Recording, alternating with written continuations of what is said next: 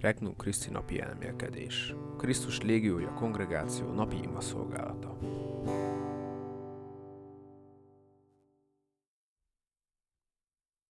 ...2023. május 19. Húsvét 6. hete, péntek. Majd viszont látlak titeket. János evangéliumából, 16. fejezet. Búcsú beszédében Jézus így szólt tanítványaihoz. Bizony-bizony mondom nektek, ti majd sírtok és jajgattok, a világ azonban örülni fog. Ti szomorkodtok, de szomorúságtok örömre fordul.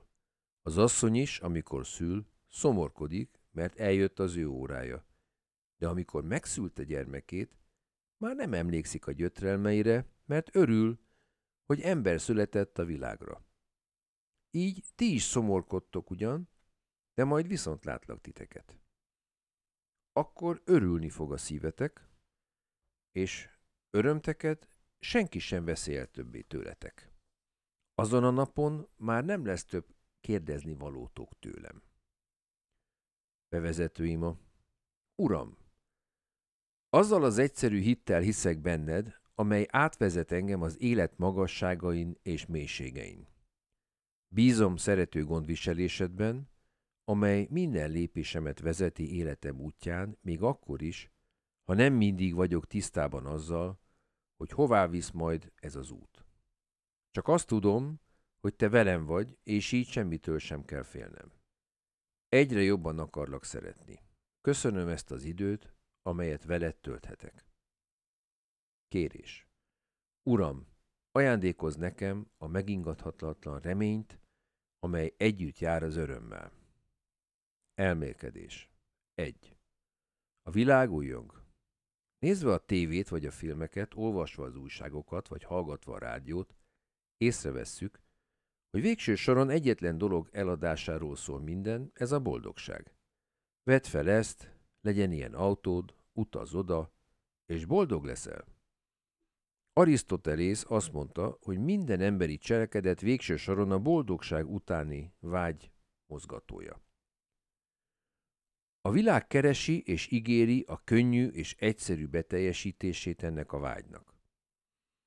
Az áldozatra és szenvedésre úgy tekintenek, mint az önmegvalósítás ellentétére, amit minden áron el kell kerülni, ha nem vagy megelégedve az éppen aktuális helyzeteddel, akkor változtass. 2. Sírtok majd és jajgattok. Mégis hamis a világ ígérete, amely szenvedéstől és áldozatoktól mentes boldogságról szól. Az eredendő bűn miatt belépett a világba a szenvedés. Senki sincs, aki ne szenvedett volna. Aki ennek ellentétét állítja, hazudik. Fontos, hogy a nehézségek pillanataiban emlékezzünk erre. A szenvedés és az áldozat nem csak a keresztényeknek jut osztályrészül. Ha néha mégis úgy tűnik, hogy mindig az önző emberek jutnak előre, mindig a 37. Zsoltár szavaira kell gondolnunk. Nyugodj meg az Úrban, és remélj benne. Ne haragudj arra, kinek siker kíséri útját, az emberre, aki gonoszságot művel, hogy elpusztítsa a szegényt és a gyengét. Hagyd el a haragot, és nem éltatlankodj, föl gerjedj, nehogy te védkezzél. 37. Zsoltár 3. Úgy, mint a szülőasszony. Képzeljük el, hogy el kellene magyarázni egy még meg sem született babának, hogy milyen a születés folyamata, és ő kifejthetné a témáról a véleményét. Biztosan valami hasonlót válaszolna. Nem, köszi, jól vagyok. Valami hasonló történik a mi életünkben is. Szeretnénk a mennybe jutni, de a vele való nehézségeket nehezen fogadjuk el. Amikor alázatos hittel elfogadjuk a szenvedést, az olyan, mintha a szülési fájdalom, amely által az örök életre születtünk volna, megvalósul. A szenvedés segít felismernünk, hogy ez a földi élet nem minden. Segít nekünk a lényegre figyelni. Megtanít minket szeretni, és ez a legjobb előkészület az Istennel való egyesülésre. Ebből a nézőpontból nézve felismerhetjük, hogy a hittel elfogadott szenvedés elvezethet minket a legnagyobb örömre. Beszélgetés Krisztussal. Kedves Uram! Segíts, hogy szeretettel és hívő lélekkel fogadjam el a kereszteket, amelyeket a vállamra raksz. Engedd, hogy nagy lelkűen igen tudjak mondani a te akaratodra.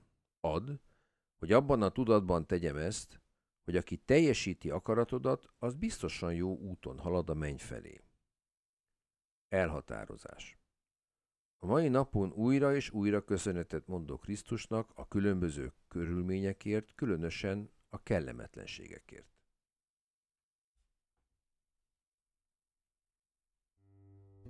További tartalmakért még ma látogass el a regnumchristi.hu weboldalra.